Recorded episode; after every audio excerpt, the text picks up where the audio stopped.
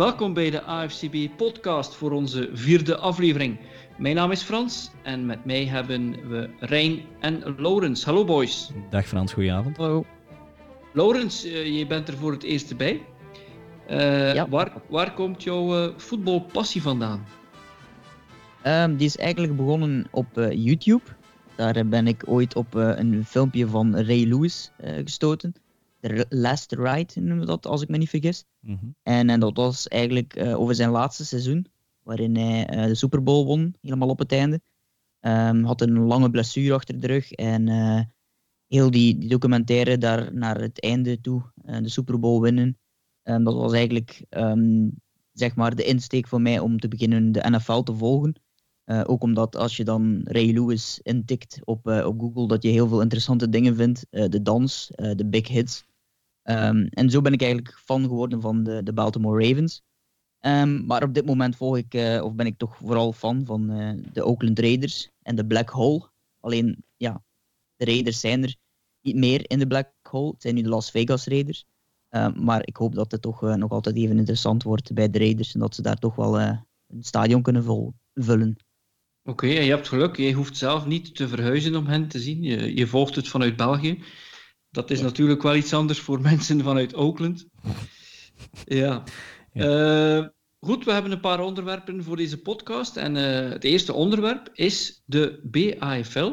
Eh, de, de wedstrijden die konden doorgaan. Een paar wedstrijden konden doorgaan deze zondag. En Rijn, Rijn, jij was erbij in Beringen. En Ja. hoe is dat verlopen? Ja, dat klopt. Ehm, zowel Dirk als ik zijn naar de eerste wedstrijd van de Shotguns gaan kijken in Beringen tegen de Antwerp Argonauts. Eh, Jurgen was daar trouwens ook bij eh, van onze redactie en van Eleven Sports. Eh, het was een beetje zoals voorspeld. De, de Shotguns die nu al jarenlang in stijgende lijn zijn, zowel professioneel op het gebied van werking als het gebied van spelers en spelniveau vooral. Die hebben de Antwerp Argonauts ja, wel helemaal naar huis gestuurd met, met een goed pak slaag, 46-0. Nieuwe quarterback daar bij de Limburg Shotguns, eh, Bram Baté, die ik nog jarenlang geleden eh, heb gefotografeerd in, bij, tijdens, een, tijdens de matchen van Leuven. Want af en toe ging ik vroeger naar de wedstrijden kijken van de BAFL, of hoe dat het ook toen eh, heette. En ging daar wat foto's nemen. In mijn vrije tijd doe ik dat ook. En wa- wat opviel is hoe, hoe, ja, hoe sterk dat die, eh, dat die Bram zijn, zijn spel geëvolueerd is. Hij was toen ook nog een, een pakje magerder, ja, jonger. Maar hoe dat hij er nu bij loopt, die, die, eh, die kan zowel wat lasers gooien, eh, zoals we hebben gezien, als ook scramblen. Als, de, de, als er een, bro- een broken play is, dat hij dat die gewoon gaat vertrekken eigenlijk. De run die stak heel goed in, in, elkaar van, van de shotguns. Jason Taylor, die zich vooral nu toespitst op het speler zijn, minder op het coach zijn, of gewoon niet meer op het coach zijn. Die heeft eh, ook redelijk wat yards eh, afgelopen. Ehm, in, de derde, eh, in de derde kwart kwam Antwerpen er dan toch een klein beetje door, maar die, die, die, die, ja, die drive, zal ik maar zeggen, die werd dan de kiem ingesmoord door een, door een, interception eigenlijk. Een opvallende fase wel eigenlijk. Dus de Argonauts krijgen wat, krijgen wat juice in de, in de tweede helft, dus in de derde kwart. Ze gooien naar een van hun receivers en die van de shotguns die komt er gewoon tussen, maar dat was ongeveer ter hoogte van de goal line. En het was een fourth down. Dus eh, in plaats van eigenlijk die interception te doen, zou eh, de, eh, de, de speler van de shotguns die bal gewoon moeten neerslaan in plaats van die daar te vangen. Eh, omdat het dan ook, in, dan is er een turnover on downs op de plaats waar dat die pas is gegeven. En nu, eh, gaan die, nu, nu vertrekt de aanval van eh, de shotguns, vertrekt waar dat die is getackled. En dat was eigenlijk quasi helemaal tegen de, tegen de goal line. Er was iemand van de bond, van, van, de, van de BAFL. En die, die, die had dat dan gezien en die kon dat even zeggen tegen een van de coaches van Limburg. En, en ja, dan verspreidde dat vuurtje. Het zijn van die kleine fases die, die, allee, waar, waar, waar ik zelf ook nog uit bijleer. En blijkbaar ook nog dan de, de, de coaches en de spelers. Eh, Ja, het, is natuurlijk, het is natuurlijk een reflex. Hè. Ik bedoel, ja, eh, als je dan als cornerback een interception kan maken, maar je moet je natuurlijk al ten alle tijde bewust zijn van waar je je bevindt op het veld en in welke Ja. situatie. Dus het is niet zo simpel, want ja, je kan het ook to the house nemen natuurlijk. Ja, Eh, absoluut. Dat de, de, de, de, de wedstrijd, ah, ik, ik zou er niet van, eh, ik, het zou me niet verbaasd hebben moest die dat gedaan hebben. Eh, maar Antwerpen, die, die, die kwam toch, ah, ze kwamen toch terug in de match. Eh, jammer dat ze geen punten op het bord hebben kunnen zetten. De rest van de fases, de rest van de, van, van, van de match, die hebben we samengevat. We zijn ter plaatse gaan podcasten met, met Dirk, met Jurgen. En we hebben dan ook nog Michel Eeman van de Shotguns, speler en bestuurslid. Hij is vooral verantwoordelijk voor het aantrekken van de spelers, dus voor de recrutering. Daar hebben we een, eh, een, een apart stukje over, eh, over gemaakt en daar, daar kunnen we nu naar gaan luisteren. Uh, goedemiddag, we zitten hier in Beringen op dit moment in een keertje niet vanuit onze woonkamer te podcasten, maar rechtstreeks bij een wedstrijd tussen de Antwerp Argonauts en de Limburg Shotguns. Rijn is hier ook weer bij vandaag. Ja. Frans is er een keertje niet bij, maar we hebben een vervang West-Vlaming voor hem voorzien. In, Het is een compliment. in zijn collega bij Eleven Sports, Jurgen Nijs. Jurgen, goedemiddag. Dag Dirk, dag Rijn, goedemiddag. Goedemiddag. Uh, Jurgen is hier vandaag ook uh, stadionspeaker van dienst. Uh, ga je dat nog meer doen dit jaar, Jurgen? Normaal gezien bij alle thuiswedstrijden hier in Beverlo Beringen van de Shotguns. En in principe bij de Pirates en de Tribes dan in National Isegem. Daar kan je mij ook af en toe aan het werk horen. En ik hoop opnieuw de Belgian Bowl ook, ook daar weer van de partij te kunnen zijn. Dat, dat staat dan met stip aangeduid in mijn agenda. Daar gaan ze me echt niet, niet hebben dit jaar. Nee. Ja, Jurgen werkt ook uh, goed mee aan, aan, aan, aan ja, hetgeen dat we allemaal een beetje proberen te doen. Is de, uh, de voetbal in België populairder te maken door uh, het langs alle kanten te promoten. En van daaruit dus ook deze podcast. En we gaan dit jaar tegenoverstelling tot andere jaren wat meer kijken naar de BAFL. En Jurgen die heeft al enkele jaren ervaring als omroeper en commentator bij de BAFL. En ja, Jurgen, wat denk je van dit seizoen? Gaat het weer naar de Black Angels gaan op het einde van het seizoen. En wie zie jij als de uitdagers? Wel, je weet het nooit natuurlijk, hè, maar de Black Angels zijn alweer topfavoriet. Um, en dat heeft voornamelijk te maken met de heel ruime kern die ze hebben. Ja. Het seizoen begint nu nog maar, dus iedereen is nog kerngezond. Maar zoals jullie weten is uh, American football een contactsport. En dat ja, ja. Uh, zorgt er dus voor dat blessures niet uit te sluiten zijn. En als je dan een brede kern hebt zoals de Black Angels die hebben, dan zijn die al makkelijker op te vangen dan bij andere ploegen eventueel. En daarin hebben ze een groot voordeel. Maar ook omdat ze eigenlijk al heel lang ze hebben een paar van ja. de betere namen hier in België. Uh, die kunnen ze ook altijd houden. Uh, de coachingstaf die is ook heel sterk. Dus zij zijn inderdaad opnieuw het te kloppen team. Maar uh, als ik dan zie dat de Shotguns vorig seizoen toch ook nog vordering gemaakt hebben, dat die ook serieus geïnvesteerd hebben in nieuwe spelers en, en ook in een coachingstaf, dan zou het wel eens kunnen zijn dat de Shotguns opnieuw de grootste uitdager zijn. Maar natuurlijk mag je ook nooit de andere teams uitsluiten. Want zoals ik zeg, uh, er is ook zo'n film geweest van Oliver Stone, Any Given Sunday. ja, in ja, België ja. is dat zeker het geval. Uh, dus het kan eigenlijk alle kanten op gaan. Uh, dus wat dat betreft, ja, uh, met stip genoteerd de Black Angels en de Shotguns daar net achter. Misschien wel omdat Jason Taylor zich ook nu meer als speler zal proberen te profileren, Juist. minder als coach bij de Shotguns. Dat dat misschien toch wel een, een, element zal zijn dat de Shotguns in, in hun voordeel kunnen gebruiken dan. Ja. Wat denk je van de nieuwe ploeg in de, de elite-afdeling, de Gent Gators, die na enkele jaren terug zijn? Ja, de Gent Gators die waren altijd al een sterk team. Die hebben ook een Belgian Bowl gewonnen trouwens, wat toen heel, uh, heel overtuigend was en zeker heel verdiend ook. Ik denk trouwens dat dat tegen toen nog de Antwerp Diamond was, uh, waar nu de Argonauts uit, ja, uit klopt, voortgekomen klopt. zijn. Um, ja, ze hebben toen dat, uh, dat akkefietje gehad waarbij ze door blessures ook uh, besloten om een wedstrijd uh, forfait te geven na de rust. Ja. Een uh, drietal seizoenen terug, waardoor ze blijkbaar, of waarvan ze blijkbaar niet op de hoogte waren dat als dat gebeurde, dat je automatisch degradeert, terwijl ze eigenlijk al geplaatst waren voor de play-offs. Um, dus toen zijn ze naar tweede gezakt. Um, hebben ze daar twee seizoenen eigenlijk opnieuw gerijpt. Ik heb ze een paar keer aan het werk gezien, ook tegen de, de Isegem Tribes. En het is wel een heel sterk team, dat voornamelijk ook heel sterk met de paas naar voren kan komen. Ja. Dat was de afgelopen jaren toch zo. Of dat nu nog zo is, dat zullen we natuurlijk weer moeten, moeten afwachten. Ja. Ze nemen het vandaag op tegen de Black Angels uh, in Anderlecht. Ja. Dus dat is al een serieuze waardemeter om te zien wat, uh, wat, wat, die Gators precies uh, ja, voor, voor, voor gewicht in de schaal kunnen gooien. Dat, dat zal vandaag misschien wel een, een nadeel zijn voor hun, gezien dat vorige week hadden we dan Chiara, vandaag hebben we een, een, een semi-storm die hier passeert. En we zitten hier nog met enkele andere uh, toeschouwers, buiten bezoekers de, en fans. Dat is de mascotte van, uh, ja. van de Shotguns waarschijnlijk. okay, nee, die ook even zijn woordje wil, uh, wil meezeggen. Ja, want hoe, hoe, hoe, kijk je, want, want Limburg is ook een, een, als ik de laatste jaren ben gaan kijken, die zijn ook redelijk pass happy. Ja, ja dat, dat, dat gaat vandaag zoeken worden naar, naar een spel. Uh, ja, maar je mag niet vergeten dat Justin Jackson, hun vorige quarterback, die is er niet meer. Die is terug naar de States. Ja. Dus nu is het uh, Bram Baté die uh, van Leuven overgekomen is, ja, die de starting quarterback zal zijn. Um, nu, ik, zeg, ik heb het daarnet ook gezegd, met Jason Taylor hebben ze natuurlijk ook een running back in huis. Een gewezen Purdue Boilermaker, die denk ik nog altijd het record heeft van beste gemiddelde per rush. Ja. Iets over de 5 yards, wat zelfs Raheem Mostert niet kunnen verbeteren heeft. nee, nee, Dat is een naam die mensen nu ook wel kennen met de 49ers, veronderstellen. Jurgen heeft een trui van de 49ers ja, aan, maar dames en heren. Gewoon omdat ik, toen ik daar op reis was, uh, heb ik die daar kunnen kopen. En zoals je weet in de States, als je daar NFL-stuff wil kopen, vind je enkel maar datgene van het team dat het dichtste bij die stad is. Maar de meeste mensen weten ook wel dat ik een Miami Dolphin fan ben. Als het straks regent, dan zal je ook een Dolphin muts zien. En dan is de jas over de trui en dan wordt het wel helemaal duidelijk. Ja. Maar dus uh, met Jason Taylor, uh, denk ik, zelfs als ze niet kunnen passen met de run, uh, ja. zullen ze het ook wel kunnen doen. Ze hebben ook een heel goede offensive line. Gert Nelissen die is teruggekomen, die in het buitenland ook gespeeld heeft. Die heeft bij Hamburg gespeeld en bij Bern in Zwitserland.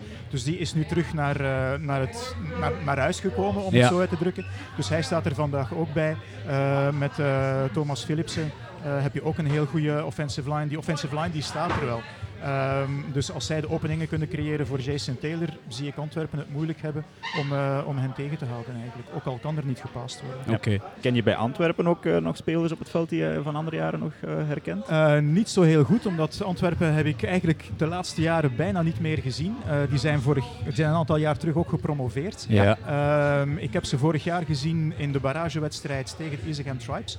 Uh, die toen bij hen thuis gespeeld werd. En toen hadden ze het eigenlijk vrij moeilijk, want toen is de wedstrijd pas beslist geweest in de verlenging, waar uh, Isegem dan een twee-punt-conversie ja. net niet kon omzetten. Anders hadden we nog verder overtime kunnen spelen.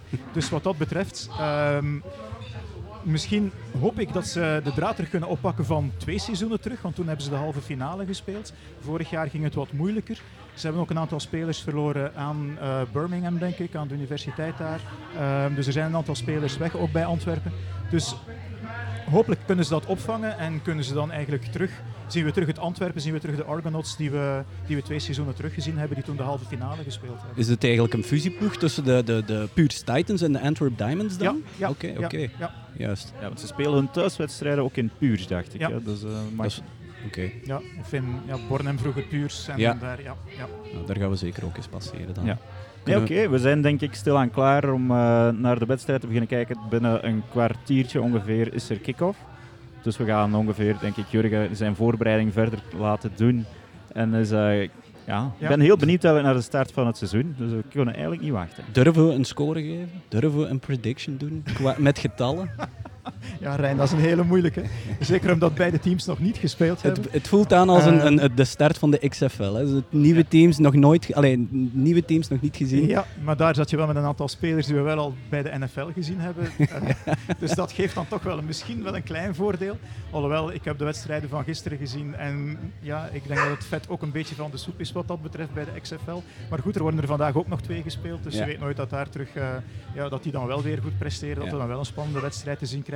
Maar ja, om XFL vergelijk ik zo'n beetje met de pre-season games van de NFL. Het is nog wat zoeken, er zijn nog wat, uh, Ja. ja. ze moeten elkaar nog vinden. En dat zal hier wellicht niet anders zijn bij de Shotguns en bij de Argonauts. Want uiteindelijk, ze hebben al een paar oefenwedstrijden gespeeld. Maar het is toch niet hetzelfde als echt uh, het competitieniveau. Als het echt telt, als het echt om de marbles is. En Ja, ja. dat is vandaag dus wel het geval. Dus uh, we zien uh, wat het zal worden. Ja, ik ga toch een gokje proberen te wagen. Ik ga 35 voor de shotguns geven en uh, 13 voor de Argonauts. Jij Rijn? Ja, vijfen- 35-7. Ja. Oh, zulke diepe fronsen in dat voorhoofd Ja, van de- Rijn. ik, durf, het- ik durf het bijna niet zeggen. Ja, we zijn ook een Ehm, beetje ja, thuissupporters hier. Want dat is, dit is wat, We zijn bij onze We zijn een klein beetje niet neutraal. Ehm, wel 28-7 denk ik uh, Ja. voor de Shotguns ook. Oké. Uh, want ze zijn toch ook favoriet in deze wedstrijd, denk ik. Zeker met zoals de afgelopen seizoenen uh, eigenlijk al gepresteerd hebben. Oké. Later, eh, wij komen hier later. Na de match spreken we met eh, speler en bestuurslid eh, Michel Eeman. Komen we, daar, eh, komen we zeker terug op de uitslag. En dan weten we hoe dat de voorspellingen van ons eh, al dan niet correct zijn Dat is, al- geweest. dat is altijd zo gevaarlijk. Hè? Dus Ja, ja, ja. En je je- kan daar altijd op afgerekend Ja, worden. ja, Zo van, eh, ja, ja. En jij bent dan de kenner? Eh, dat zeggen jullie, Nee, ik nee. niet. Hè. En Jurgen die zien we zeker terug in een van de volgende wedstrijden. Ja, zeker weten. Ja. Geen probleem. Oké. Dankjewel Jurgen. Dankjewel. Jurgen. Tot de volgende. Goed, de wedstrijd tussen de Limburg Shotguns en de Antwerp Argonauts is afgelopen. En uh, Jurgen, de eindstand? Uh, 46-0 als ik het goed bijgehouden heb voor de Shotguns. Dus uh, onze pronostiek van voor de wedstrijd die zat er wel een beetje naast. Ja. We hadden alle drie gedacht dat de Argonauts toch wel één touchdown gingen scoren minstens. Maar een, een heel sterke verdediging van de Shotguns heeft daar anders over beslist. En uiteindelijk de score geeft duidelijk de verhoudingen aan, vind ik. Ja. Uh, een heel goede offense van uh, de shotguns, heel goede verdediging ook. Argonauts hebben echt geen kans gehad om, uh, om een stempel te drukken. Ja. en moeten terug, denk ik, naar het tekenbord. Want op offense zullen ze toch nog een paar andere plays moeten proberen te vinden, denk ik, ja. om een indruk te maken. Er zit iemand bij ons van de Shotguns, Michel Eeman, linebacker en bestuurslid van de Limburg Shotguns. Michel, goedemiddag. Goedemiddag. neem ons eens even door de wedstrijd, het verloop ervan. Hoe heb jij die beleefd? Uh, ik vond, allee, de wedstrijd liep wel zoals dat ik verwacht had. Uh, zeker voor een eerste wedstrijd op offense. Dat is altijd iets moeilijker op gang te krijgen. Hier en daar was, was steekjes laten vallen. Uh, uiteindelijk toch wel kunnen vertrouwen op, ons, allee, op onze vaste waarden. ons running game was heel goed, vond ik. Ja. Passing game is stilletjes al op gang gekomen, was op het einde ook een pak beter. En in het algemeen was ik wel redelijk tevreden. op defense vond ik ons wel tamelijk sterk. Uh, we hebben weinig first downs gegeven. Er was een goede rotatie ook. Uh, iedereen was mee in het verhaal en we hebben goed gespeeld eigenlijk. Ja. Wie, wie was voor, u, uh, voor jou de MVP van de wedstrijd? op offense of defense? Allebei. Ik vind het, allee, in het algemeen vind ik wel, als ik kijk naar de geschiedenis die die, die speler doorlopen heeft en, en wat hij al gepresteerd heeft bij de jeugd en bij ons, vond ik Michael David vandaag weer heel goed. nummer 13. Ja. Um, Drie touchdowns gescoord, twee gelopen, één gevangen drie touchdowns en, en ook gewoon echt de, de lastige yards loopt hij ook. Dus uh, het is niet dat hij alleen op de goal line erin komt. Hij heeft echt uh, mooie drives gedaan, de ploeg echt door het veld gebracht en voor de rest eigenlijk geen fouten gemaakt. Ik heb hem weinig ballen zien laten vallen, geen fumbles. Ik vond hem echt goed vandaag eigenlijk. En wat mij ook opgevallen is, na die tweede touchdown die hij scoort, de kick-off return van de Argonauts daarna. Uh, de returner van Antwerpen die is toch even naar de kant gemoeten. En dat was ook een tackle van Michael David. Ja, nu, allez, we kennen Michael ook zo. Als hij op veld staat, die gaat er altijd voor. Uh, dat maakt eigenlijk voor hem niet zoveel uit hoe of waar dat, dat is. Uh, op special teams doet hij zeker ook zijn bijdrage en die is gewoon altijd blij als hij kan spelen. Dus uh, ja. zeg dat heel goed. Een opvallende fase bij de kick-off van de tweede helft. jullie trappen af en jullie trappen pal op een van de spelers van de Argonauts. bestaat daar eigenlijk een term voor wat dat daar gebeurd is? Uh, wel, ik vroeg mij gewoon af, was dat afgesproken? Heeft Jérôme dat was dat... Ja, oké, okay, ja. ik dacht het al, want het was er echt recht naartoe. Ja. Soms gebeurt dat per ongeluk, uh, maar dan is het meestal een beetje door de onkunde van de kikker. maar Jérôme kennende dacht ik al van, dit is er echt wel omgedaan. Ja, ja het was die, afgesproken. Die speler van, An van, van, van Antwerpen, die is toch even aan de kant moeten gaan. Die, volgens mij kreeg hem die recht in zijn maag. Ja, natuurlijk of hem dat perfect kan mikken, dat weet ik niet. Maar het was wel afgesproken dat we de bal op de man gingen spelen. Ja. Uh, we gingen eigenlijk sowieso, wat we eigenlijk doorheen heel de wedstrijd gedaan hebben, is de bal laag houden, omdat waait. Om de bal niet buiten te laten vliegen, dat we geen penalties kregen. Op de, de bal op de grond houden, zo diep mogelijk. En toen merkten we dat vooraan een beetje ruimte was voor iets speciaals te doen. En toen zeiden we, oké, okay, we gaan eens proberen trappen op die man. Als die bal dan terugkomt, kunnen we er iets mee doen. En dat is gebeurd. Dus, uh... Ja, zeer mooi. Het nam ook meteen terug de wind uit de zeilen van de Argonauts. Want als zij van plan waren om met hun eerste aanval van de tweede helft iets speciaals te doen. Wel, jullie hadden meteen de bal en jullie scoorden daarna terug de touchdown. Ja. En 32-0 werd het toen en toen was het eigenlijk voorbij. Ja. De, ja. de, wind uit de zeilen, is dat een pun, uh, Jurgen? Is dat Wel, met, uh, ja, soms gebeurt dat uh, onbedacht. Goed, uh, Michel, ja, de eerste game van het seizoen. Het ziet er heel goed uit. Wat, wat zijn de verwachtingen vanuit de shotguns voor het seizoen? Ik denk dat de verwachtingen duidelijk zijn. Ik, allez, als team, als club, uh, als organisatie willen we altijd de lat hoger leggen. En uh, niet enkel op één vlak. We willen echt als organisatie stijgen op verschillende vlakken. Dat is organisatie, dat is jeugdwerking, dat is prestatie op het veld. de laatste drie jaar al mooie seizoenen gehad, maar net niet goed genoeg. En nu de derde keer denk ik wel dat uh, we nu gedaan hebben. Kijk, we hebben geïnvesteerd in coaches. De coachingstaf is voor mij een van de beste van heel de Benelux. Ja. Um, en ik denk dat dat verschil gaat maken. Oké, okay, valt, het valt wel op hoe, hoe, hoe, professioneel dat jullie over de jaren zijn geworden. Het, zowel op social media vlak ook als, als uh, zoals je zegt, jeugdwerking, coaches. Jullie zijn in een stijgende lijn aan het gaan ten opzichte van, van, van uh, enkele aantal ploegen. Bij jullie is de groeicurve is, is enorm en jullie blijven maar gaan. Hè? Ja, Um, ik vind, als je kijkt naar het Belgisch landschap, er zijn ploegen die organisatorisch heel sterk bezig zijn, die heel goed aan het ontwikkelen zijn met hun jeugd. die presteren dan misschien met de heren iets minder. Mm Sommigen zetten heel veel sportief in, maar die zijn organisatorisch iets minder. Uh, zonder namen te noemen natuurlijk. maar ik denk wel dat wij, allee, dat onze sterkte is dat we op de verschillende vlakken aan, aan het duwen zijn eigenlijk. En uh, ik denk op het lange termijn gaat dat ons ook echt zeker verder helpen. Maar ik zeg het, voor ons is nu belangrijk om nu effectief ook...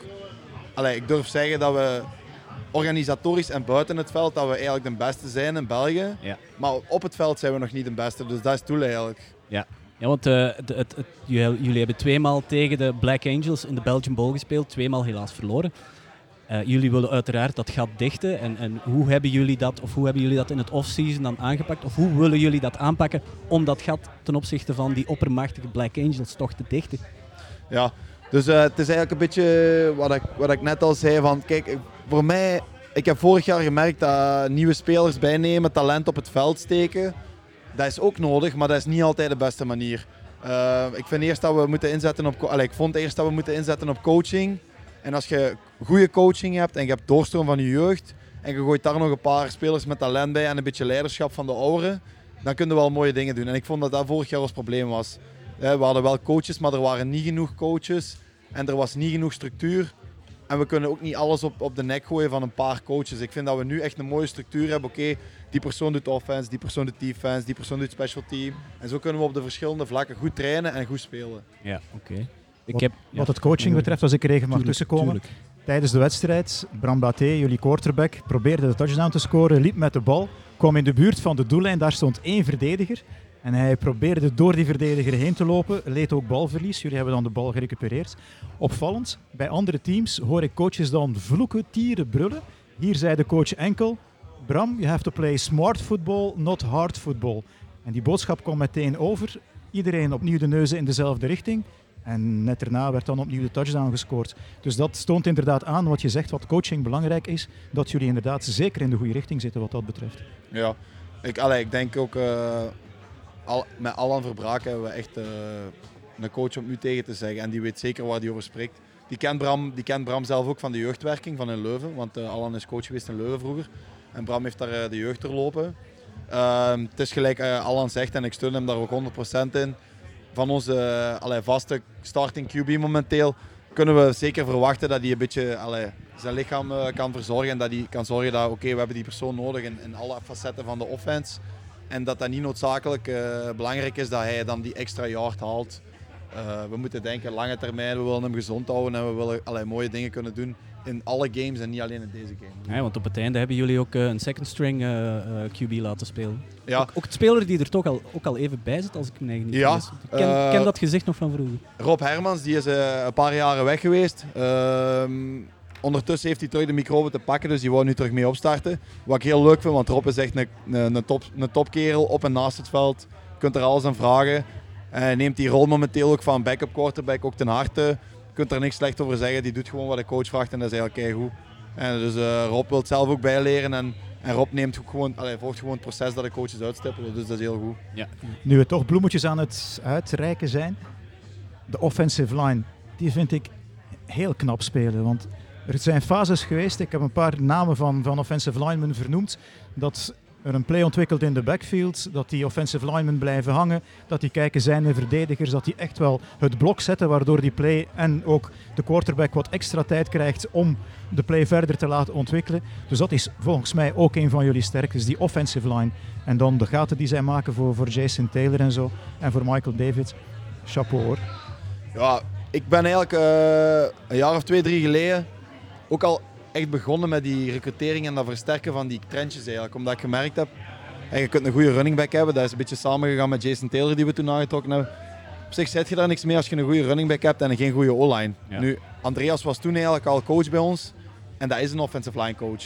Ehm, dus dat, dat, heeft wel geholpen bij de recrutering. We hebben een beetje geluk gehad. Uh, ondertussen vier van de vijf starters op onze offensive line zijn alle vier spelers van de nationale ploeg. Uh, waar Andreas ook uh, de coach is voor de O-line dan. Dus allee, de big boys zijn echt wel, allee, ik vind ze heel goed en ze maken ook echt wel het verschil. Dus, ja, ik, ik, hoor ook op, op jullie zijlijn hoor ik zowel Nederlands, zowel Engels als Frans. Dus jullie hebben een, een, een, ja, een zeer brede en een zeer gevarieerde kern. Waar ga, je die speel, waar ga je bijvoorbeeld dan die spelers zoeken? Hoe doe je dat? Want jij bent de verantwoordelijke voor, uh, voor het zoeken ja, daarvan. ik doe de recrutering een beetje. Nu, wat probeer ik altijd te doen? Ik probeer sowieso uh, jongens aan te trekken die mee zijn in het verhaal. Ik hou niet zo van uh, plug and play, één jaar en we zien wel. Ik probeer altijd mensen aan te trekken die zeggen van oké, dit verhaal van de shotguns interesseert mij, ik wil daarin meegaan, ik zie daar toekomst in. Is dat als speler, is dat als coach, is dat als, is dat uh, hulp bij het bestuur? En, en zo probeer ik dat ook te brengen naar die jongens. Dus allee, de meeste die ik hier aangetrokken heb, zijn, zijn ook gasten die op lange termijn willen blijven. We hebben jongens uit Aken, wat niet zo heel ver is. Leuven is niet zo heel ver. Uh, er zitten er een paar bij van Waver, dat is al iets verder, maar dat is nog altijd haalbaar. Uh, dus ja, ik, allee, dat is eigenlijk een beetje dat ik probeer te doen. Ik probeer op lange termijn te werken en niet op korte termijn. Die ene van Oostende? ja, eentje, hè, eentje van Oostende. Ja. Voor alle duidelijkheid even zeggen aan eh, de luisteraars, dat is Michel zelf natuurlijk. ja. Oké, okay, uh, Jurgen, als jij nog iets over de game hebt toe te voegen, kunnen we misschien even overgaan naar uh, de speler zelf eigenlijk, naar Michel. Uh, jij bent er van in het begin bij, bij de Limburg Shotguns, van in het echt van in het prille begin. hoe ben jij in het wereldje van American football terechtgeraakt? Is daar een persoon of is een situatie geweest waar je de klik hebt gemaakt van die sport, dat is iets voor mij? Ehm, nu, de, de club zelf is eigenlijk ontstaan uit een vroegere werking van de Limburg Eagles. Ehm, die waren ja, echt 20 jaar geleden of zo, of misschien zelfs iets langer, die waren echt top toen. Dat was echt een topploeg. Die zijn toen uh, gestopt uh, door gebrek aan spelers. Toen is die, allez, sommige van die coaches hebben de werking opnieuw opgestart in Leopoldsburg. En ik ben zelf van origine van Leopoldsburg. Dus voor mij was dat een logische keuze. Ik heb een beetje gebasket, ik heb wat gevoetbald, ik heb eigenlijk van alles een beetje gedaan. Maar ik miste altijd iets in een sport. En ik vind de combinatie in merkenvoetbal van tactiek, hard zijn, teamspirit, dat is echt uniek. Dat vinden voor mij bij geen enkele andere sport. Ja. Dus toen ben ik in 2008 in de zomer daarmee ingerold eigenlijk, bij, bij het prille begin. We waren aan het trainen op een veld zonder licht en, en, alles wat erbij hoort. Of Eén, één licht. Eén licht. En uh, ja, zo is dat verder gegroeid eigenlijk. Ja, oké. Ja, overloop ons even de, de, de groei van de shotguns, want jullie, jullie zijn dan van als, als beginnende ploeg uit de Limburg Eagles ontstaan.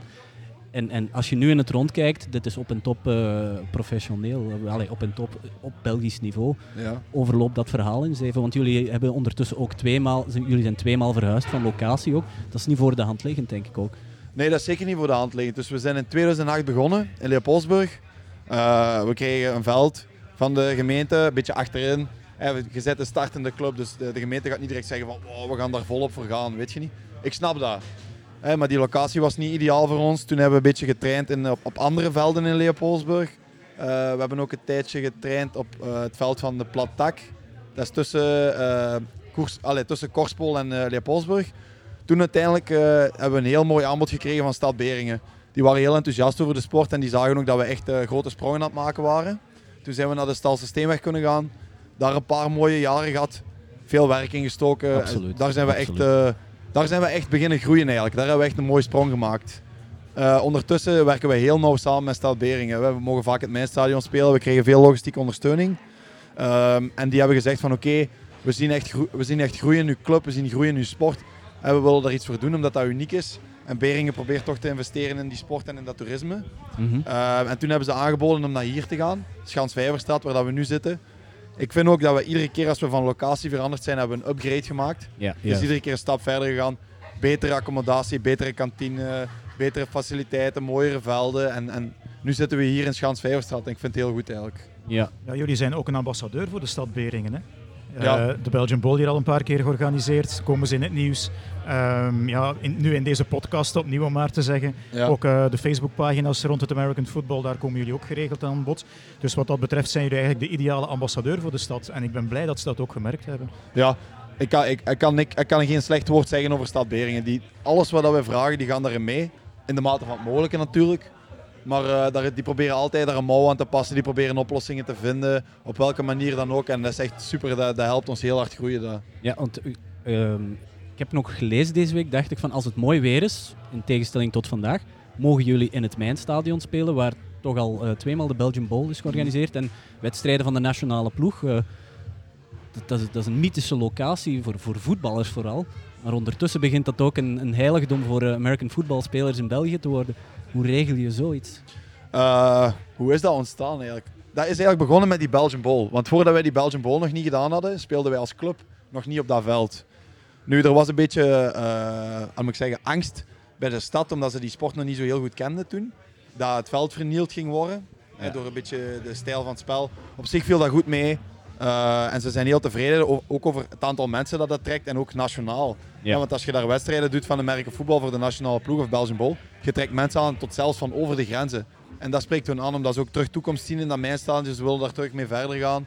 Ook voor andere sporten als voetbal. Ja, ja. dus dat is een mythische locatie voor voetbal, maar ze willen echt dat terug naar voren gaan duwen. Ze willen daar terug mooie dingen mee doen. Ja. Is er al nieuws over de locatie van de Belgian Bowl? Weten jullie daar iets van? Want er is dan tweemaal toe de Belgian Bowl geweest.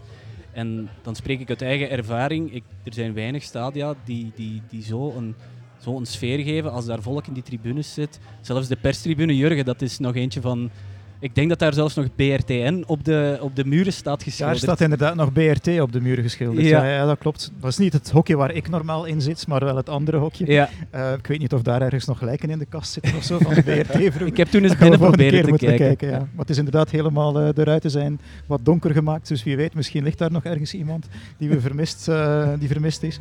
Maar in elk geval, het is echt wel een leuk stadion ook, ook om commentaar te geven, om de ambiance. Je zit mee in de tribune, Mensen zien je ook, mensen leven mee met wat je vertelt. Je kan ook eh, de ambiance erin brengen door bepaalde dingen te roepen. Iedereen doet dan mee.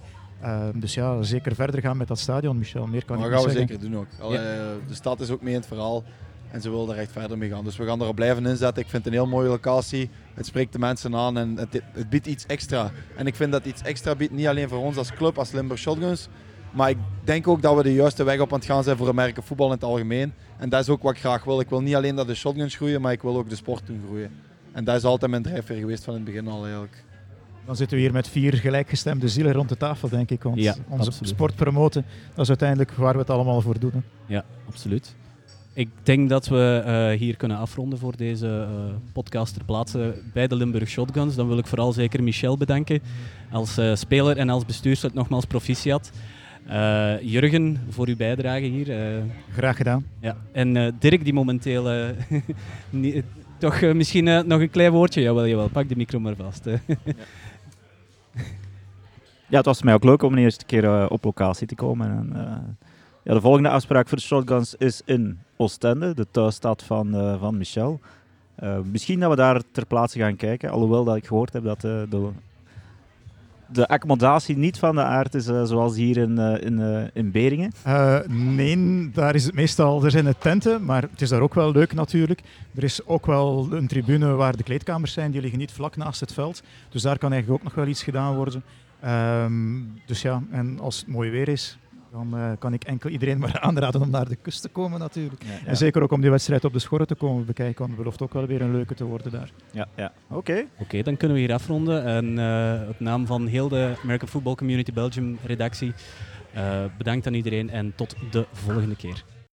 Een leuk interview die jullie daar ter plaatse gedaan hebben. En uh, het leek alsof uh, de hond ook enthousiast was in de achtergrond. Ja, het was een hond van een speler, dus ja, die, uh, die moest ergens zitten. Die was over het algemeen redelijk kalm, maar af en toe kwam er iemand binnen met een andere hond en ja, die, die, die moet zich laten horen dan. Territoriaal gedreven. Ja, cheerleaders ja. heb je overal nodig. Ja, inderdaad. En toch heel interessant om te horen dat Michel niet alleen wil dat de shotguns het goed doen in, in het Belgische voetbal, maar eigenlijk alle teams in het algemeen. Dat vond ik goed om te horen. Ja, absoluut. Die, uh, die is er, zoals je hebt kunnen horen, die is erbij van in het prille begin. Die is, afkomstig, uh, is dus afkomstig vanuit Leopoldsburg. Uh, en dan is hij mee beginnen werken aan, aan de werking van de shotguns en aan, aan het uitbouwen van het team. en uiteindelijk, hij is ook in een hij heeft een relatie met iemand uit West-Vlaanderen en die is dan in Oostende beland. Dus die rijdt elke dag ja, 101, of, of elke dag. Die rijdt meermaals per week voor zijn ploeg 181 kilometer of 180 kilometer. Uh, dat, dat, dat wil veel zeggen eigenlijk, uh, vind ik, over, de, over ja, de, de mindset van, uh, van Michel en van de shotguns eigenlijk. Dus dat is mooi om te horen. Wel, ik ben vier jaar geleden, toen ik nog net afgestudeerd was als journalist, ehm, ben ik toen meegeweest naar een, naar een interland van de Belgian Barbarians naar Spanje. Voor gridiron.be toen nog. En uh, die jongens gingen daar ook allemaal twee, drie dagen mee en die moesten ook zelf alles bekostigen. Uh, dus dat zegt ook wel iets over dat die ja, ook heel vaak um, uh, een dag vrij of twee dagen vrij moesten nemen. Mm. Om ja, eigenlijk dan nog eens zelf alles te gaan betalen om, om in het buitenland te gaan spelen. Ja. Dus um, ja, het is wel heel mooi om te zien dat iedereen daar, daar toch probeert aan, het, aan hetzelfde zeel te, te trekken. Ja, net zoals de slogan van de XFL, For the Love of Football. Het is, het is mooi om te zien. Ja, inderdaad. Als je ziet hoe het geëvolueerd is van de midden jaren 80 tot nu, dan is het zeker al uh, een stuk professioneler, veel meer atleten, veel meer ook coaches met diploma's, veel meer referees. Vroeger was er één per veld en zo. Maar je ziet dat er nog altijd een persoonlijke inspanning gevraagd wordt van de mensen om die sport verder te krijgen. Dus nou, alles is bedankt voor jullie om de inspanning te doen voor dit interview en we hopen dat er eventueel nog interviews later volgen met uh, uh, spelers of verantwoordelijken van andere teams. Ja, ja de, de, Antwer even... de Antwerp Argonauts die daar dan uh, gespeeld hebben, die moeten zich absoluut niet buitengesloten voelen, want de bedoeling is dat we, dat we als, als zij een thuismatch hebben, dat we dan proberen naar daar te gaan, want anders, anders missen we misschien de kans voor hun verhaal ter plaatse te laten doen in plaats van in de kantine van de Shotguns. Dus Antwerp Argonauts, geen zorgen wij gaan er alles aan doen voor, uh, voor zeker in jullie house uh, ook eens een, uh, een, stukje te komen podcasten. Oké, okay, dat is goed. als we dan kijken naar de uitslagen, je zei het al, 46-0 shotguns tegen de Argonauts. De andere wedstrijd waren de Brussels Black Angels tegen de Kent Gators. Die is geëindigd op 34-0 winst voor de Black Angels. Mm -hmm. En de andere twee wedstrijden, Coal Miners, Monarchs en Pirates Tigers, die waren uh, afgelast. Die zullen op een andere datum gespeeld worden. Mm -hmm. uh, en de standings die zijn tamelijk simpel. Je hebt de Shotguns en de Angels bovenaan. En de uh, Gators en de Argonauts onderaan. En de andere teams die hebben nog geen wedstrijd gespeeld. In de... Volgende... Mag ik even tussenkomen nog, Frans? Ja. De, het, het viel wel op dat de het was uh, halftime bij de Shotguns Argonauts. En dan gingen we zoeken naar uh, ook halftime standings uh, tussen de Brussels Black Angels en de Ghent Gators. Ik weet niet of dat de halftime standings waren, maar het was bijna halftime in Beringen. Dus ik veronderstel ook in, in Brussel daar. Dat was 6-0 voor de Black Angels. En Dirk en ik keken zo naar elkaar van, ja kijk, dat, Gent is zijn eigen toch niet aan het laten kennen. Maar dan is Brussel er uh, blijkbaar in de tweede helft nog, nog uh, serieus doorgekomen. Oké, okay, maar dat betekent dat de Gators dan toch wel een, uh, een, tijdje een vuist hebben kunnen maken. Ja. En dat kan alleen maar goed zijn voor de spanning dit seizoen. Ja. volgende week speelt de National Division. dat gaat door in Doornik en in Bergen. Hm. En er is ook een development wedstrijd, zie ik in uh, Amai. Dat zijn de Raptors tegen de Atomics. Er zijn ook uh, drie Development League teams. Die spelen waarschijnlijk enkele wedstrijden uh, tegen elkaar. Een soort vriendenwedstrijd, denk ik. Daar straks, heb ik wel, is, daar straks heb ik wel gelezen op de site van op, op van, van die voormalige speler dat de Raptors, daar stond bij dat ze dit seizoen forfait gegeven hebben. Dus, ah, oké, dus die zullen dat, uh, dat zal dan waarschijnlijk niet doorgaan. Dat dus, zal Black uh, Angels 2 en Atomics blijven in de, in de Developmental League. Uh, Oké, okay. okay. Black Angels met hun tweede team. Dus we zien dan wel, mocht er dus nog een van deze development wedstrijden doorgaan, ja. en we houden u op de hoogte. Um, dat wat de BAFL betreft. Maar er was dit weekend ook XFL. En uh, Laurens, zijn er zaken die uh, jou opvielen dit weekend in die league? Uh, ja, zeker. er was een, een, heel opvallend interview alleszins met, met McGloin, die een verleden heeft in de NFL. Um, speelt nu voor de New York Guardians. En um, bij halftime was er een, een halftime interview met een, een, dame die hem een aantal vragen stelde, of eigenlijk, ja, eigenlijk maar twee vragen kon stellen. Want uh, ja, hij, toonde toch wel dat hij een sore loser was. Want uh, hij stond uh, redelijk wat achter. Had op dat moment um, vijf passes um, of dertien passes geprobeerd. Er maar vijf um, kunnen, kunnen completeren. 32 yards en een interception. Dus het was niet dat hij bezig was aan een goede wedstrijd. En die, die arme journalisten vroegen aan hem wat moet er veranderd worden. En hij zei ja, de volledige gameplan moet veranderen. Niet een aantal dingen aanpassen. Nee, change the entire gameplan. Ja. Dan kwam nog wel een follow-up, maar het kwam er eigenlijk op neer dat hij zei van eigenlijk moeten we nu alles compleet omgooien. En uh, noemde het op, op uh, ja, eigenlijk shameful. Maar op het einde van het verhaal uh, verloren ze 27-0 van de DC Defenders voor de verenigheid. Dus het heeft niet echt veel geholpen. maar ik, ik zie het niet vaak gebeuren in de NFL, dat zo'n zo'n scherp interview. je moet het maar zelf eens opzoeken op de Twitter van XFL trouwens. Heel erg volgwaardig. er staan heel erg grappige dingen op af en toe. Van een biersnake zag ik en, en gekke filmpjes allerlei. Ja, die um, biersnake, geweldig. Ja, er zat inderdaad een, een, op een bepaald moment een filmpje van een biersnake. Ik snap het concept niet helemaal. Um, maar het, het, viel alleszins wel op dat het heel scherp uh, was, dat interview. Ja, die, die, um, en dat dat misschien... Die, die zijn passer rating was van hem uh, toen hij gebenched werd uiteindelijk uh, voor, voor Marquise ja. Williams. 10.1 was zijn passer rating. hij, had, hij had ondertussen geen touchdowns en twee interceptions gegooid. En dan, zoals Laurens aanhaalde, ja. zijn passes kwamen bijna niet aan. Ik denk dat hij 8 voor 19 heeft gegooid. ja, dan kom je heel snel aan een hele slechte passer rating. Dus die werd terecht op de bank gezet. En daar werd hij nog meer. Uh, daar, ik denk dat ze nog eens de, de, de micro onder zijn neus hebben gestoken. En ja, dat, uh, ja die, die, die staat op het menu voor getrade te worden als het aan mij ligt.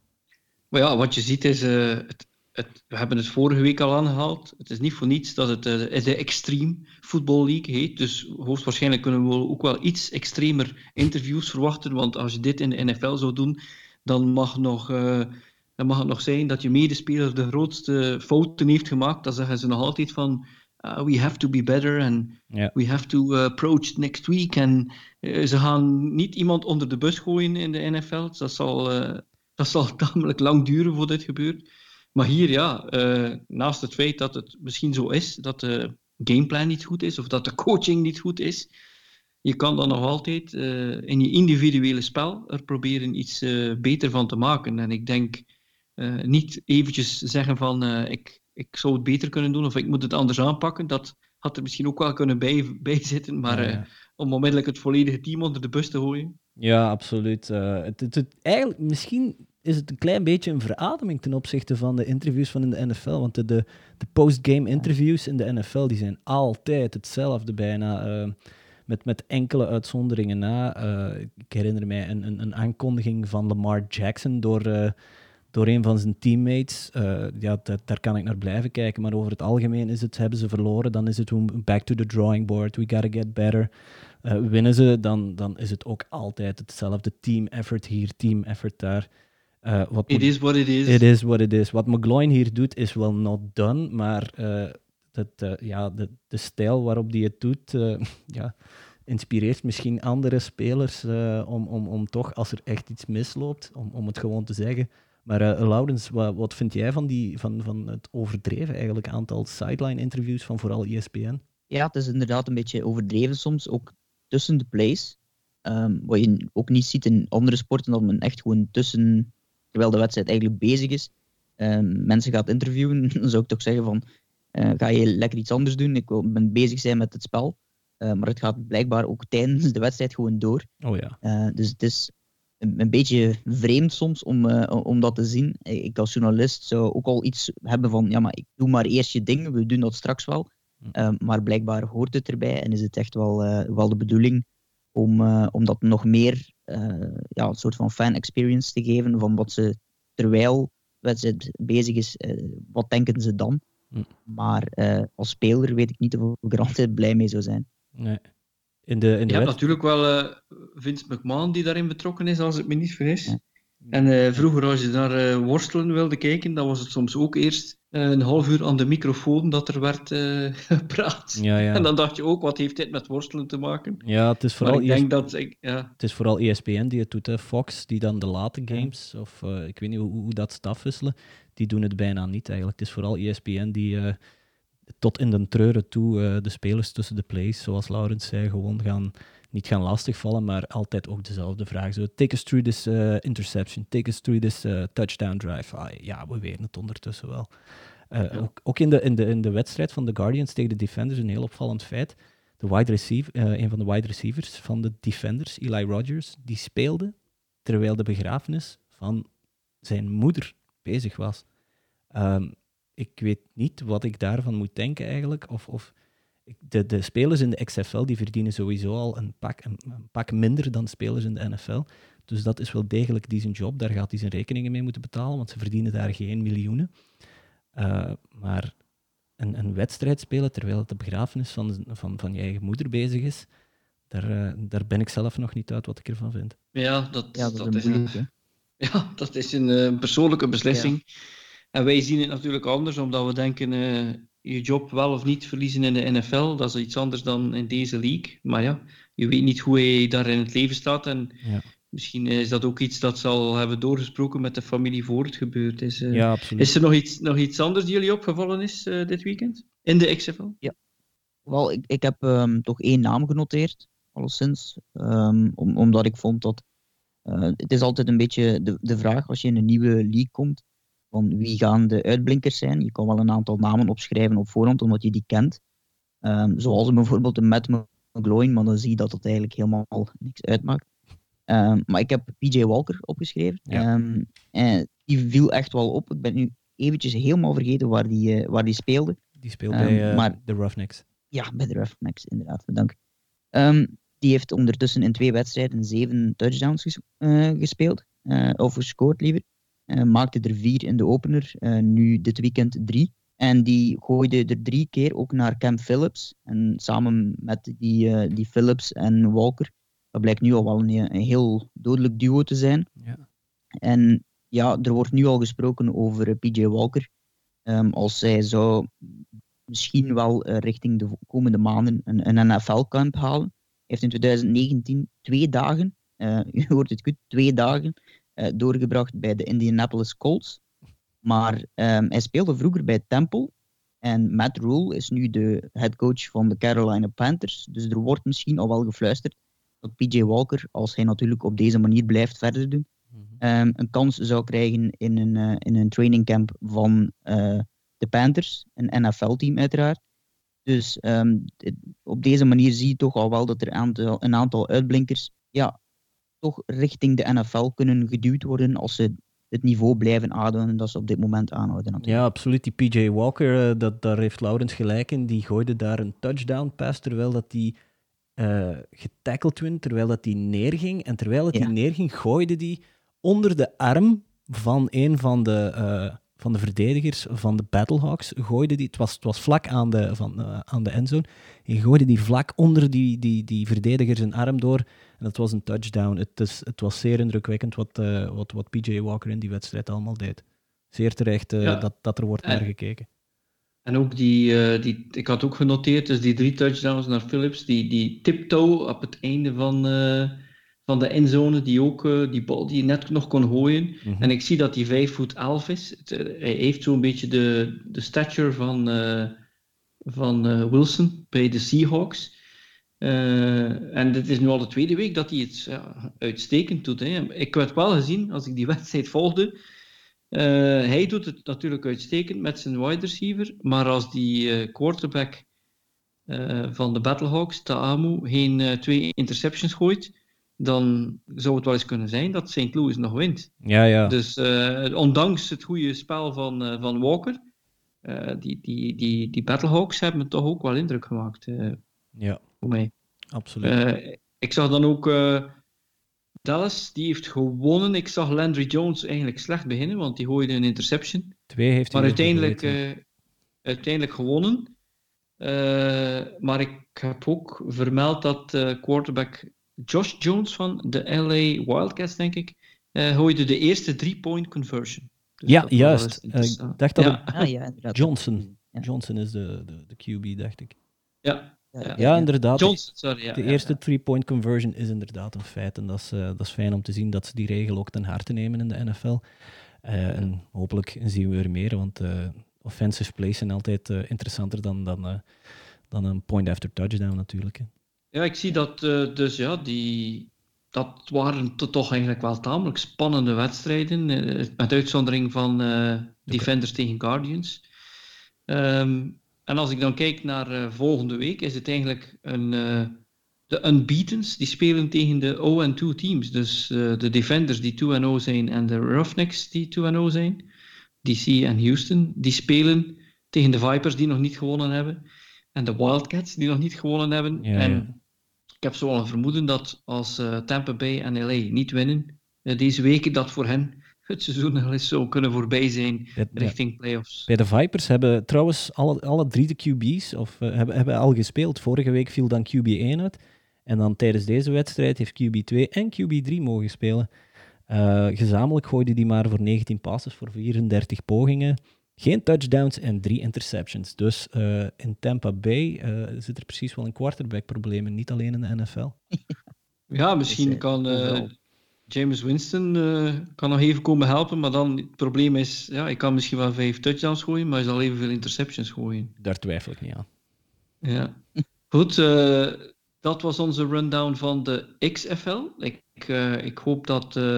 ik, ik weet dat er sommige mensen de ESPN Player hebben, maar je ziet ook dat er wel wat wedstrijden, ik denk via YouTube wel te bekijken zijn. Ja. dus dat is interessant om, ja, natuurlijk om niet volledig te moeten afkicken van het NFL-seizoen. En je kunt nu natuurlijk al na een tijdje toch een paar spelers beginnen volgen. Dus als je onze podcast hier beluistert, dan zou ik zeggen, probeer eens een wedstrijd uit te pikken van de Houston Roughnecks om Walker en wide receiver Phillips aan het werk te zien. En misschien ja, zeg je wel van, ben je dan een van de mensen die iemand ziet spelen die dan volgend jaar misschien toch wel weer in de NFL kan komen. Over de NFL gesproken, er is weinig nieuws te rapen. Dat zal natuurlijk wel veranderen als we richting free agency gaan en ook straks naar de combine. Er was één nieuwsfeit, dat is dat Miles Garrett van de Cleveland Browns zijn indefinite voorlopige suspension, die is voorbij.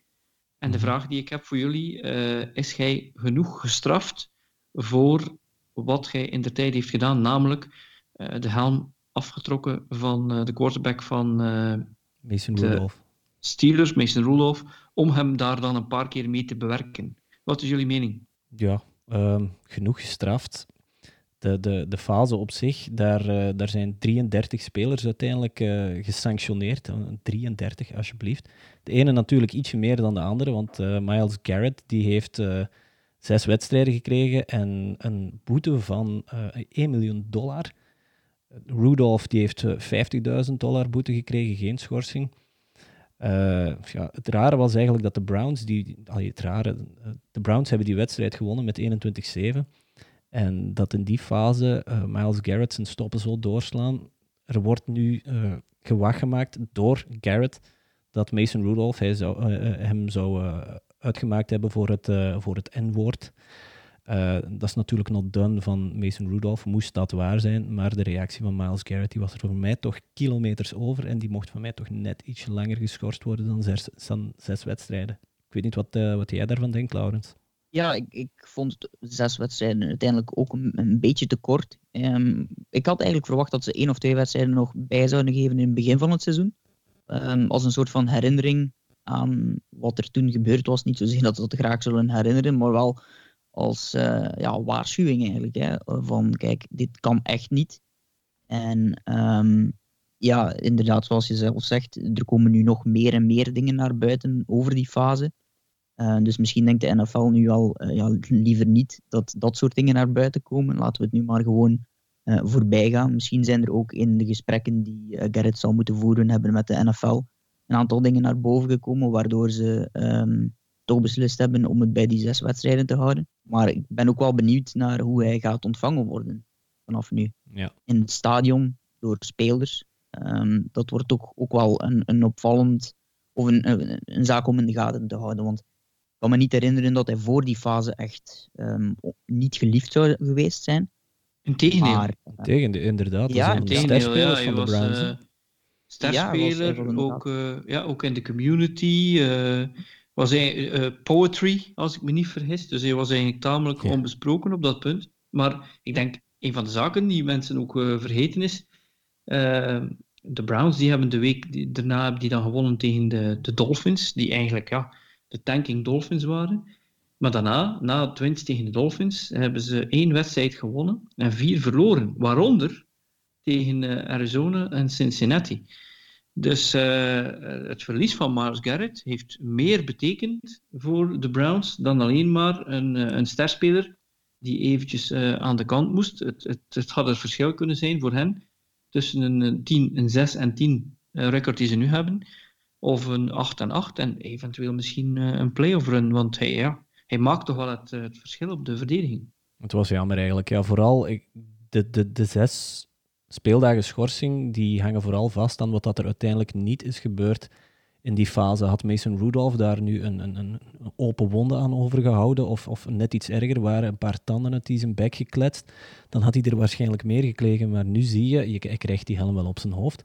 Maar het, het eerste wat dat Mason Rudolph doet als reactie is niet, is niet kijken of hij iets heeft of zo. Hij doet gewoon direct zijn armen open, zoals, zoals ze in de voetbal doen. Van hey, ref, kijk eens wat dat die jongen hier doet.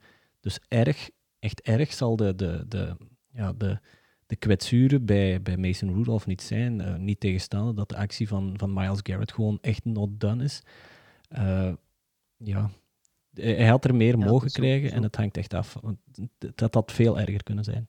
Ja, als het visueel uh, een stuk erger had geweest, met inderdaad bloed erbij, um, dan had je inderdaad een aantal speeldagen meer gekregen. Dat is gewoon het, het visuele van, van de mens, denk ik ook. Hè. Ja. Dus in het verleden ook al gebreken met, uh, met de filmpjes van, uh, ik ben nu even de running back van de Ravens, ik weet die.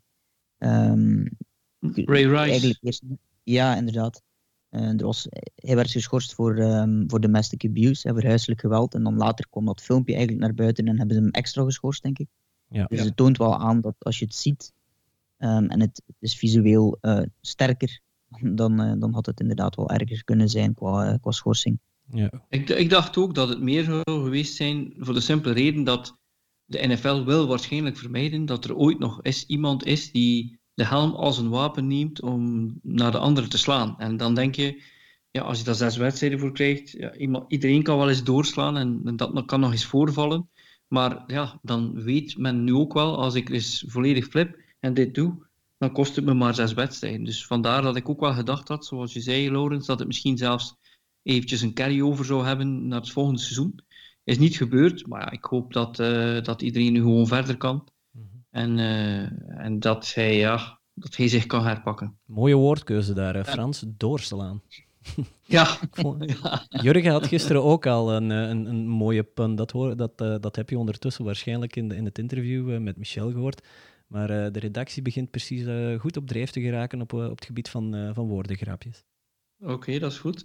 We hadden, vorige week hadden we in de, de podcast gezegd, als er luisteraars zijn die uh, vragen hebben, dan kun je ze stellen en dan proberen we ze te beantwoorden op onze podcast. we hebben een vraag gekregen van Bart Killens en de vraag was, de Patriots hebben duidelijk Gronk gemist in 2019. Denk je dat Brady hem had kunnen overtuigen om terug te komen, om zo zijn eigen kansen om in Boston te blijven te vergroten. Wat is jullie mening? Goh. Um, ik ja. denk het eerlijk gezegd niet. Ja, zeg maar, Laurent. Ja, ik denk het eerlijk gezegd niet. Um, alles wat ik zie uh, passeren van, uh, van Gronk is ook dat hij hem uh, heel erg amuseert in, in zijn, zijn pensioen, zeg maar. Um, dus ik zie het niet gebeuren, zeker omdat er niet echt een zekerheid is op, op succes um, met Brady of met de Patriots. En ja, ik zie het niet gebeuren, ook al omdat er geen zekerheid is over Brady en de Patriots. Mm -hmm. Ja, inderdaad. Ze, ze, ze missen hem wel. Uh, ze missen wel een heel sterke tight end. Uh, dit dit uh, seizoen starten er drie tight ends, of speelden ze met drie tight ends. Ben Watson, Matt Lacoste en Ryan Izzo. Watson, ja, die ving 17 passes voor 173 yards. Lacoste uh, 19 passes voor 131 yards. En Ryan Izzo, die heeft volgens mij enkel in het preseason gespeeld. daar, moet ik, daar moet ik nu even over liegen. Die ving 9 passes voor 114 yards. En, en, en één touchdown. Lacoste scoorde, er trouwens ook eentje. Gronk vorig seizoen. Hij startte 11 games, 47 receptions voor 682 yards en 3 TD's en één fumble. En dat is dan nog maar vorig seizoen ga eens terugkijken naar de seizoenen daarvoor. Die zijn yardage, die zat altijd, of zat toch redelijk stevast boven de duizend. Dus, uh, en, en Brady, die had, ja, dit seizoen had hij weinig uh, targets, een, halfgezonde Edelman. Maar uh, op het gebied daarvan, van, van receptions, misten ze een, een goede, sterke tight end, toch? Want de offensive yards van de Patriots dit jaar, die, die stranden op 5856. En als je teruggaat, dan zakken ze niet onder de 6000 de jaren met, met Gronk erbij. En die heeft daar toch wel een zeer stevig uh, aandeel aan. Dus zoals Laurens het zei, er moet eerst zekerheid komen over en Brady. En dan pas kan je eigenlijk gaan kijken naar Gronk, want inderdaad, die amuseert zijn eigen te pletter. Die staat nu al in de Hall of Fame. Die staat in het 100 all-time team, zoals je hem op de Super Bowl hebt kunnen zien. die, zijn, ja, die, die is ook binnen, die jongen. Hè. Dus ik ga, ik ga ook zeggen dat hij niet gaat terugkomen, want er moet eerst zekerheid zijn rond Brady. Ja, ik denk ook uh, twee zaken. Ten eerste, als Gronk meespeelt, dan maakt hij ook gewoon uh, ruimte voor anderen. er is zoveel uh, focus op hem dat er andere spelers vrijkomen. Dat, dat misten ze duidelijk. En aan de andere kant, ik denk dat Gronk ook wel een paar hersenschuddingen heeft gehad. En waarschijnlijk het zeker voor het onzekere neemt. Ja, Goed, uh, bedankt dus uh, Bart voor deze vraag. Als er nog mensen zijn die vragen hebben voor ons, stel ze zeker en we proberen ze te beantwoorden in onze podcast. Uh, Laurens, Rijn, mag ik jullie bedanken om tijd vrij te maken voor deze podcast? Dat is met alle plezier. Ja, klopt. Dan zou ik ook ja, Dirk en Jurgen ook nog willen bedanken voor, om af te zakken naar Limburg en om samen met jou, Rijn, dit interview voor ons in elkaar te zetten. En dan zou ik zeggen tegen uh, mensen die luisteren naar deze podcast: subscriben, downloaden, sharen. En uh, als ze zelfs luisteren naar deze podcast in Bali, uh, dan moet iedereen gewoon beginnen luisteren naar onze podcast. Ik zou zeggen, tot de volgende keer. Tot de volgende keer. Tot de volgende.